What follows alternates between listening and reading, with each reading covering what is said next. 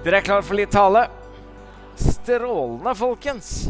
Eh, vi har denne serien som begynner i dag, eh, hvor Jesus er, er overskriften. Jesus hadde mange tilhengere, men han utfordret dem til å bli etterfølgere og sa, 'Kom og følg meg'.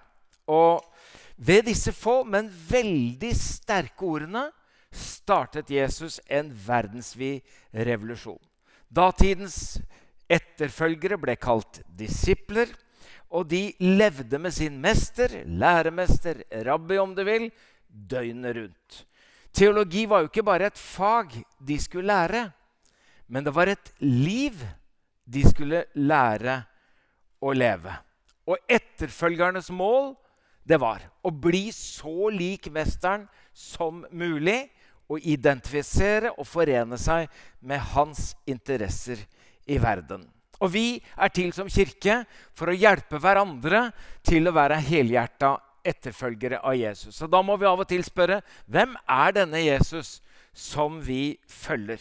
Eh, så denne taleserien har vi altså kalt 'Jesus er'. Og så vi vil ta for oss det som er blitt kalt det femfoldige evangeliet. Altså fem sider ved Jesus eh, som sier mye om hans eh, gjerning og liv, både i fortid og i nåtid og i framtid. Dette Jesus er, ligner jo veldig på hvordan Gud selv presenterte seg for Moses. Når Moses spør når han skulle gå til farao, eh, hvem skal jeg si har sendt meg? Og så sier Gud, eh, du skal si 'Jeg er har sendt deg'. Så Gud presenterer seg gjennom historien som det evige er. Jeg er. Og når Jesus da sier om seg selv 'Jeg er', verdens lys. Jeg er livets brød. Jeg er døren. Jeg er den gode hyrde. Jeg er oppstandelsen og livet. Jeg er veien, sannheten og livet. Så er det akkurat dette Jesus sier. Jeg er det evige er. Jeg er Gud. Og den som skrev hebreerbrevet, måtte faktisk skrive feil grammatikk for å få riktig teologi når vedkommende skulle skrive om hvem Jesus er. Og der leser vi Jesus Kristus er i går. Og det er det jo ingen som heter, ingenting som heter i grammatikk, så da får du et lite kryss. Men det er helt riktig. Han var ikke i går. Jesus er i går og i dag den samme, ja, til evig tid. Og I denne serien på fem søndager så skal vi altså se på det femfoldige evangeliet om Jesus som frelser, om Jesus som åndsdøper, som døper i Den hellige ånd, om Jesus som helliggjører, om Jesus som helbreder, og om Jesus som konge. Skal vi be sammen? Herre, jeg takker deg for at du hjelper oss å følge deg tettere, sånn at vi kan elske deg dypere og tjene deg mer helhjertet. Det ber vi om i Jesu navn. Det temaet som vi starter med, er at Jesus er Frelseren. Og det er en fantastisk betegnelse på både hvem han er, og hva Jesus gjør. Og behovet for frelse ligger i alle mennesker, på alle steder til alle tider, bevisst, men også ubevisste steder. Derfor vil du finne både begrepet, men også problemet i alle verdens religioner. For de må løse dette med hvordan blir vi frelst. Og hvis det ikke er en skaper bak alt det vi ser, så har det heller ikke skjedd et syndefall eh, som er årsak til alt det onde. Men, men den store fortellingen i Bibelen er jo fortellingen om at det var en skapelse, det kom et fall, og så kom det en frelser. Og så skal alt det som var skapt, og som gikk med i fallet, en dag bli gjenopprettet. Og det er det vi prøver å dekke i denne serien, å bli kjent med Jesus. Eh, frelse oppfatter jo ikke bare en liten del inn i sjelen. Liksom det er noe vi har langt her inne. Men den er jo omfattende. Eh, men redning for alt det som truer å ødelegge livet. Med beskyttelse og bevarelse, og samt alt det som fremmer det gode livet i vekst og utvikling. Og når de gamletestamentlige profetene eh, sa at det kommer en Messias Det kommer en befrier, en forløser, en frelser. Eh, så tolket jo de det dette at det var en som skulle komme og befri Israel, eller beseire Israels fiender, eh, og hjelpe dem til å gjenreises som nasjon. Altså en som skulle komme både som religiøs og politisk leder for å redde Israel og løfte Israel som folk og nasjon. Akkurat sånn som Moses hadde gjort da han førte folket ut av Egypt. Som Josva hadde gjort da han førte folket inn i Kanans land. Og som David hadde gjort da han beseiret Goliat og filisterne. Eh, dette ligger så høyt i disiplenes forventning til hvem frelseren skulle være, og hva denne frelseren skulle gjøre, at uh, disse to disiplene på første påskedag, som går fra Jerusalem til uh, Emmaus, de sier jo nettopp til Jesus De visste ikke at det var han som gikk ved siden av dem. Og vi som hadde håpet at det var han som skulle befri Israel. Så det var fortsatt deres bilde. Det kommer en frelser som skal befri Israel. Og når de har vært sammen med den oppstandende Jesus i 40 dager, så spør de ham på selve Kristi himmelfartsdag, 'Herre, er tiden nå kommet da du vil gjenreise riket for Israel?' Så forventningen var helt klar, og den var lenge, også i de nærmeste disiplene, også etter oppstandelsen. Frelseren skal frelse Guds folk i Israel og gjenreise riket for Israel. Men selv eh, om dette er den allmenne oppfatningen og forventningen, så ligger det jo veldig tydelige spor at eh, Gud hadde noe mer på agendaen. Han ville noe mer med langt fler. Og det er fantastisk å lese evangelisten i Det gamle testamentet, profeten Jesaja, i det som kalles Trøsteboken. Og så leser vi Det er nesten man skulle tro at vi leser evangeliet fra Det gamle testamentet. Må gjerne lese sammen. Det gjør ingenting om du skarrer. Og det er det mange her. Sannelig, våre sykdommer tok han, våre smerter bar han.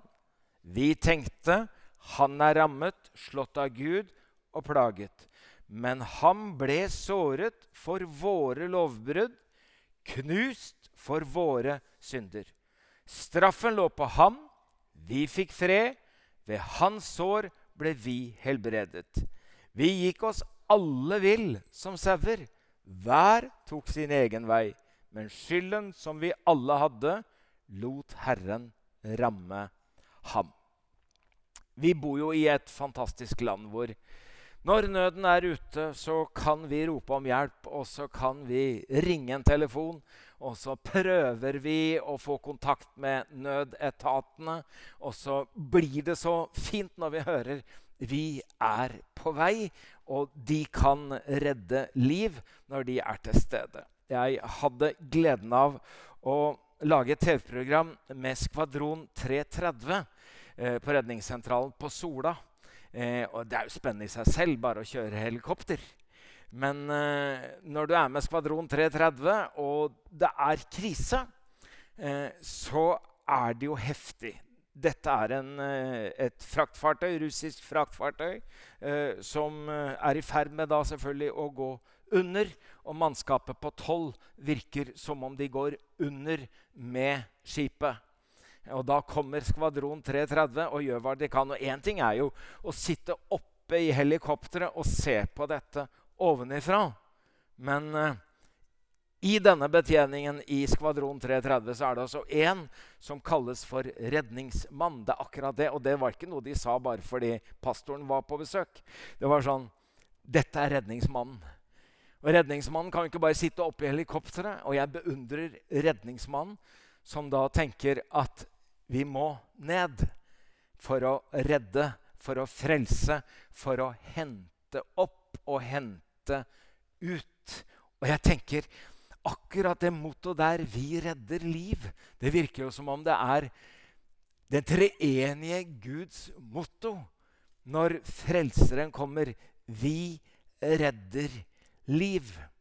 Og når Maria har blitt gravid, og Josef får en drøm, og Herrens engel sier til Josef, så er det akkurat det denne engelen sier. Josef, Davids sønn, vær ikke redd for å ta Maria hjem til deg som din kone. For barnet som er unnfanget i henne, er av Den hellige ånd. Hun skal føde en sønn, og du skal gi ham navnet Jesus. For han skal frelse sitt folk fra deres synder. Altså, det er klart han skal hete det han skal gjøre. Sånn at når folk sier navnet hans, så ber de han om å gjøre akkurat det han heter. Navnet Jesus kommer fra Javé. Javé ble senere en omgreie til Joshua, Joshua og til Jeshua. Eh, og der ligger hele kjernen. Jesus er, Gud er. Og så kommer navnet Jesus, som kommer fra Javé. Gud er, og Gud frelser. Det er nesten verdt et lite halleluja. Og når Jesus fødes, så kommer dette ordet igjen stadig vekk. Eh, dette med frelser. Vi vet at Maria i sin lovsang sier 'Min ånd fryder seg i Gud, min frelser'. Eh, engelen sier til gjeterne 'I dag er det født en frelser'. Zakaria sier i sin lovsang han, slik han lovet å frelse oss. Og den gamle Simon, eh, som tar imot Jesubarnet i tempelet, eh, han sier nå kan du la din tjenerfar herfra i fred, for eh, mine øyne har sett din frelse. Og da er det nesten så jeg har lyst til å spørre Simeon eh, hva er det du har sett for noe. Det er et lite spedbarn. Han har ikke sagt et ord. Han har ikke gjort en greie.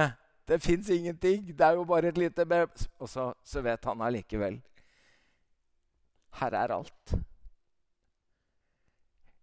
Skapelse og fall. Men her er verdens frelse. Her er verdens redningsmann. Det er her, det er han, det er i dette barnet vår frelse ligger.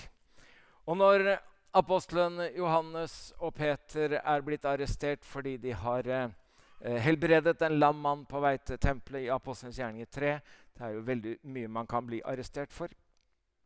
Eh, de hadde fått et veldig problem, disse religiøse lederne, så de måtte forsvare seg dagen etter mot, eh, for rådet.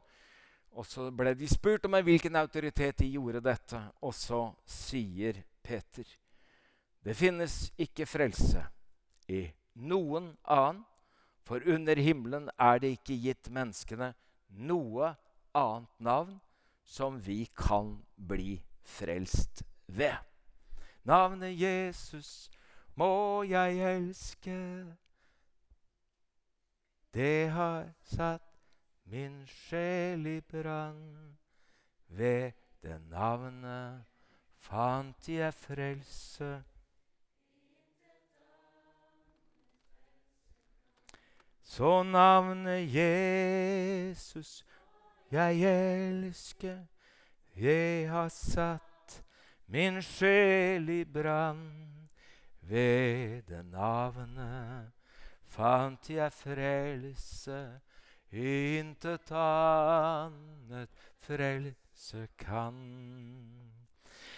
Når jeg har tenkt på dette med Jesus som frelser, så har jeg tenkt at vi må få med oss både dette hva vi er frelst fra, og samtidig få med oss hva vi blir frelst til. Og Det er greit å få med seg begge perspektivene. Og når jeg har satt opp noen sånn fra og til, så er det svære temaer. Det kjente jeg jo fort. Eh, og så må jeg bare si noen nøkkelord til hvert tema. Men det kan være greit å se det, sånn at forhåpentligvis går du herfra i kveld og tenker frelsen, det er, er noe jeg kan gjøre for å Skal jeg snakke litt lavere?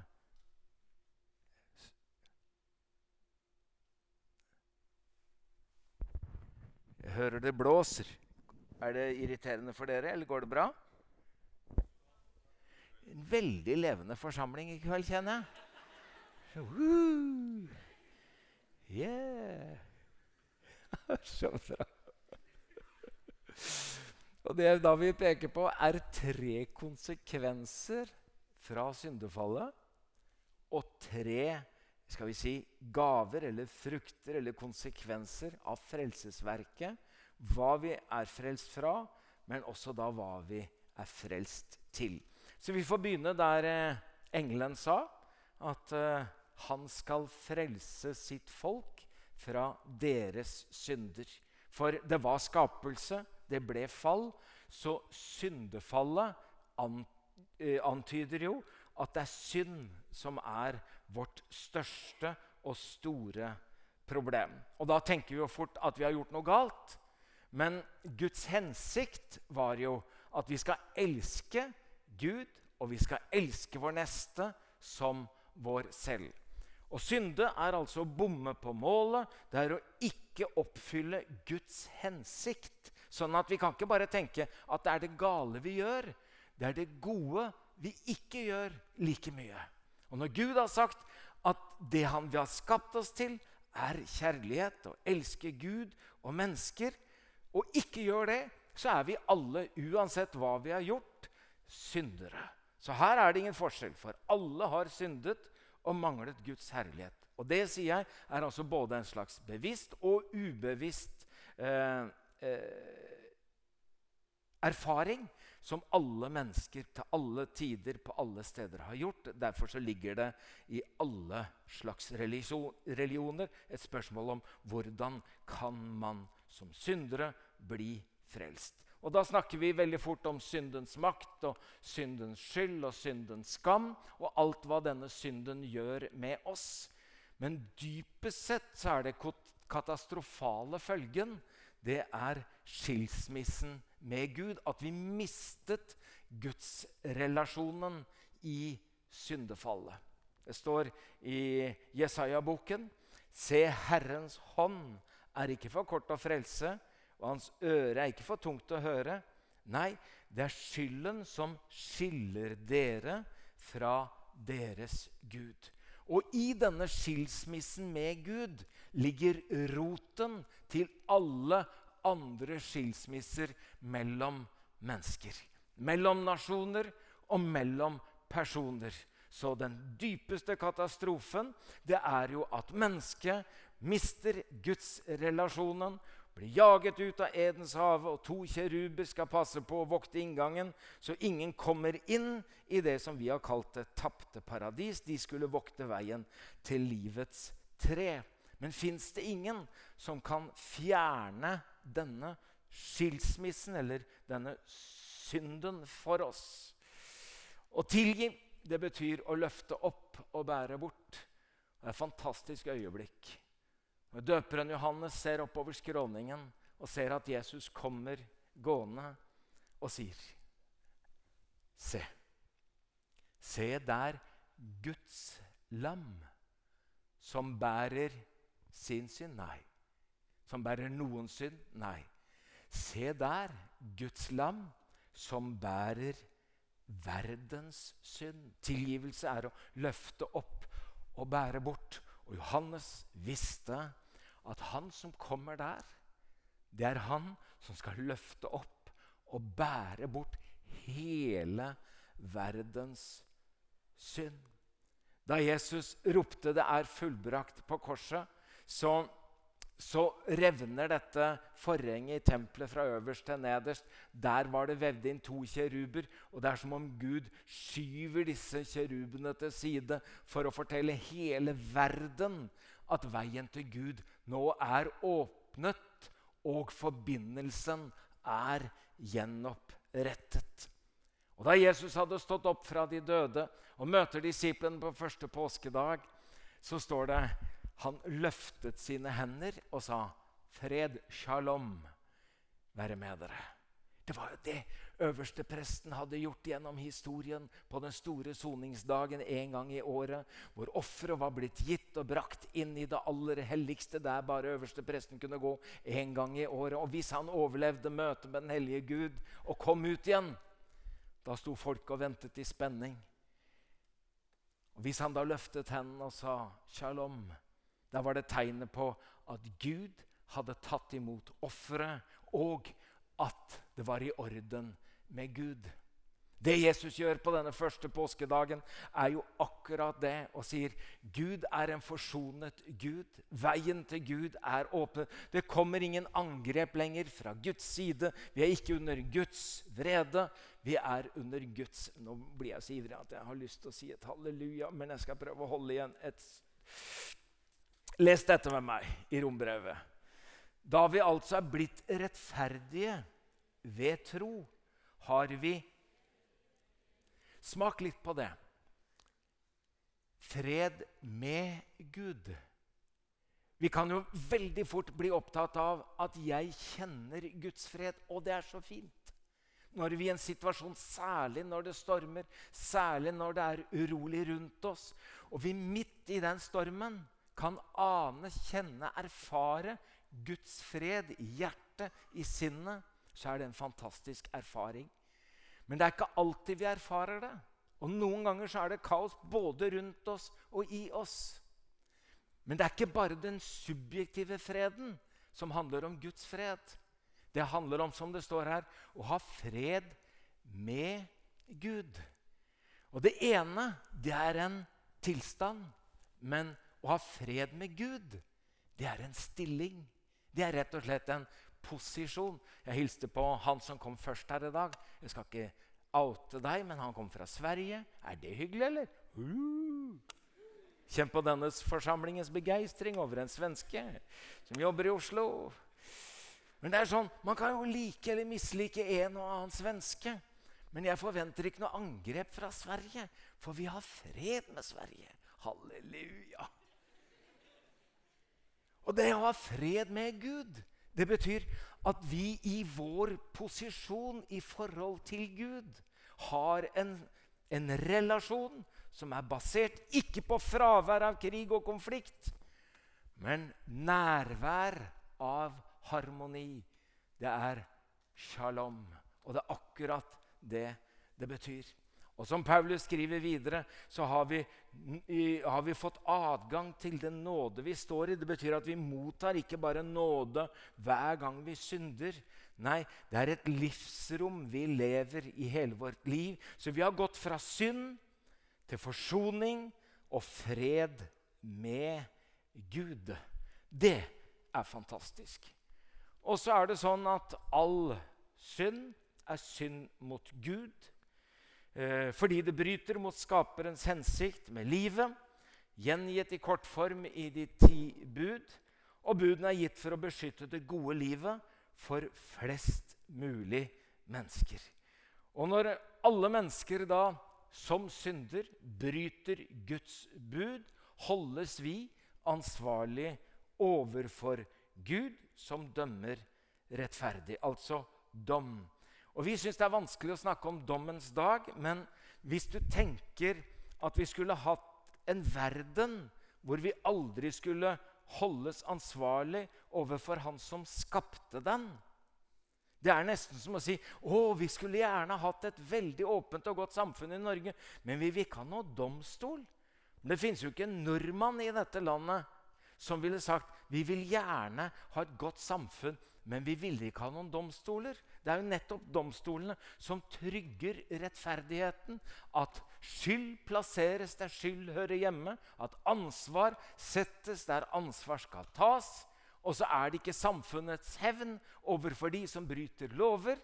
Men det er et ønske fra samfunnet både å beskytte samfunnet, den ene siden, og den andre eh, siden er et håp om at den som har brutt lov, skal endre sin atferd. Så hvordan ligger vi an hvis vi skal holdes ansvarlige overfor Gud? For Herren troner til evig tid. Til dom har han reist sin trone, og han dømmer verden med rettferd og feller rettferdig dom over folkene.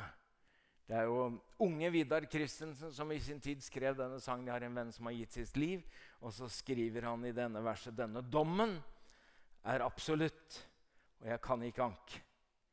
Men når jeg innser at alt er slutt, har Gud en frelsende tanke.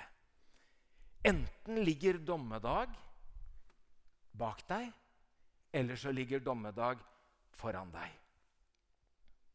Hvis den ligger bak deg, så skjedde det på en langfredag i Jerusalem. Se der Guds lam som bærer verdens synd. Den dagen var det én som tok alle synderes plass til alle tider. Det holdt Gud dom. Så min dommedag, den ligger bak meg på langfredag. Så jeg frykter ikke dom. Og Jesus har jo sagt det. Sannelig, sannelig, jeg sier dere, den som hører mitt ord og tror på ham som har sendt meg, har evig liv og kommer ikke for dommen, men er gått over fra døden til livet. Så Jesus kom for å frelse oss fra dommen og sette oss inn i friheten. Fordi at han tok vår plass. Jeg ble fraregnet min synd, og jeg ble tilregnet Jesu rettferdighet. Jeg er ikke bare benådet, jeg er heller ikke bare tilgitt, selv om det er svære greier. Jeg er rett og slett frikjent. Det foreligger en frifinnelsesdom på meg. Halleluja. Jeg sier det veldig rett ut. Det er jo salig, da. Så er det da ingen fordømmelse for dem som er i Kristus Jesus. For åndens lov som gir liv, har i Kristus Jesus gjort deg fri fra syndens og dødens lov. Så jeg har fred med Gud. Men pga. at Jesus frelste meg fra dommen, så Gud ikke er min dommer, men min far, så kan jeg få leve med frihet i Gud. Det fins jo noen i dette landet som har juridisk immunitet, altså som ikke kan dømmes og straffes. Det betyr bl.a. Eh, eh, ambassadør, og det er kongen. Overfor Gud så er det også deg og meg. Juridisk immunitet. Det betyr at vi ikke lever under loven, for vi har jo fått adgang til den nåde vi står i. Og det preger da ikke bare frykten for framtiden er borte men at jeg får lov å leve i frihet i forhold til Gud i nåtid. Halleluja. I gamle dager Det er helt utrolig, men da var det også slaver i Norge. Eh, og de måtte bruke en sånn jernklave. Det var tegnet på at de var slaver, skulle behandles deretter og kunne aldri ta den av, for de var slaver. Men selv slaver på den tiden kunne settes fri. Når de ble satt fri, så ble denne jernklaven tatt bort. Da ble de det som heter frihalset. Og så er det jo sånn at språk det utvikler seg, så frihalset ble til frialst. Og frialst ble til frelst. Eh, så det er der vi har ordet vårt på norsk. Jeg er frelst. Det betyr jeg var slave, jeg har fred med Gud, jeg er kalt og satt i frihet, så jeg er frialst. Jeg er rett og slett frelst. Og så det siste. Ja, Paulus legger inn Jeg skammer meg ikke over evangeliet, for det er Guds kraft til frelse for hver den som tror. Og så er det det siste eh, vi er frelst fra. Eh, det er død. I, det tapte paradis så fantes det ingen former for død. Det er nesten sånn at vi ikke engang har fantasi til å forestille oss hvordan kunne verden se ut hvis det ikke fantes noen form for død. Eh, det hadde vært himmel på jord, og det var akkurat det det var. Men gjennom synden så kom døden, og så kom dødskreftene eh, som truer det skapte. Og synden kom inn i verden, og på grunn av ett menneske, og med synden kom døden, og slik rammet døden alle mennesker, fordi alle har syndet. Og døden er vår siste fiende, og det er den kampen som vi kjemper, men som ingen av oss klarer, og en fiende som ingen av oss klarer å bekjempe. Og så ser vi i Bibelen at døden kommer i litt ulike lag, nivåer. Eh, Gud forbannet djevelen. Det er forbannelse, åndelig død. Eh, vi må alle sammen leve med forgjengelighet, at livet trues av dødskreftene. Det er forgjengelighet. Og så er det den evige død, altså en hel evighet borte fra Gud, som i Bibelen kalles for fortapelse. Altså at vi er tapt for Gud for evig. Så død og dødskrefter truer livet nå, og konsekvensene er jo ja, helt utenkelige. Men fra dette kom Jesus for å frelse oss fra død. Og Jeg leita litt etter hva er det beste uttrykket. Det er ikke ofte vi snakker om salighet, men jeg syns det var litt herlig. Eh, fordi eh, jeg hørte når jeg var eh, litt mindre. jeg har jo vært litt mindre. At han gikk inn til saligheten. Og da syns jeg at det ordet for evighet med Gud som salighet er en fin beskrivelse. Så har jeg altså fred med Gud. Jeg har frihet i Gud når jeg lever. Og så har jeg en framtid hvor jeg får lov å leve, og vi får lov å leve i salighet sammen med Gud. Bibelen slutter ikke med død og undergang, men den slutter med liv og en ny overgang. Og jeg så en ny himmel og en ny jord, sier Johannes i åpenbaringsboka. Og så skriver han videre han skal tørke bort hver tåre fra deres øyne, og døden skal ikke være mer. Heller ikke sorg eller skrik eller smerte, for det som en gang var, er borte. Så vet vi lite om hva, vil, hva himmelen vil by på. Det vi vet, og kanskje det viktigste vi vet om en evig salighet med Gud, det er at der skal det ikke være synd. Der skal det ikke være dom, og der skal det heller ikke være død. Og det kalles salighet. Eh, da Peter talte på pinsedag, og folk kjente at det traff i hjertet, så spurte de Peter eh, hva skal vi gjøre for å bli frelst. Og så svarte Peter, vend om og la dere døpe. Og det å omvende seg, det handler jo at jeg eh, skifter retning. For noen vil en omvendelse kunne skje brått, og for andre tar den lang tid. Men det viktigste det er at jeg endrer retning og blir etterfølger. Det er nesten som å snakke til folk som står med ryggen til sola. Sola skinner like mye, men hvis du vender deg om, så kan du ta imot solens lys og varme og la det få prege ditt liv. En etterfølger av Jesus har vendt seg fra seg selv for å følge Jesus Kristus. Og Edin Løvaas han kalte en bok som han skrev for mange år siden, 'Vend deg om i glede'. For det er stort med det vi er frelst fra, og det er stort med det vi er frelst til. Men det aller viktigste i alt, det er hvem vi er frelst til å være sammen med i liv og i evighet. Jeg hørte en historie for mange år siden om en eh, far som reiste altfor mye og fikk dårlig samvittighet overfor sønnen sin og bestemte seg for at han måtte finne en måte å kompensere dette på. Eh, så han bestemmer seg for at den gangen var fem kroner mye, sånn at hver gang han kom hjem, så skulle sønnen hans få en femmer. Og Sønnen begynte å glede seg til å få denne femmeren selvfølgelig, og syntes det var stas.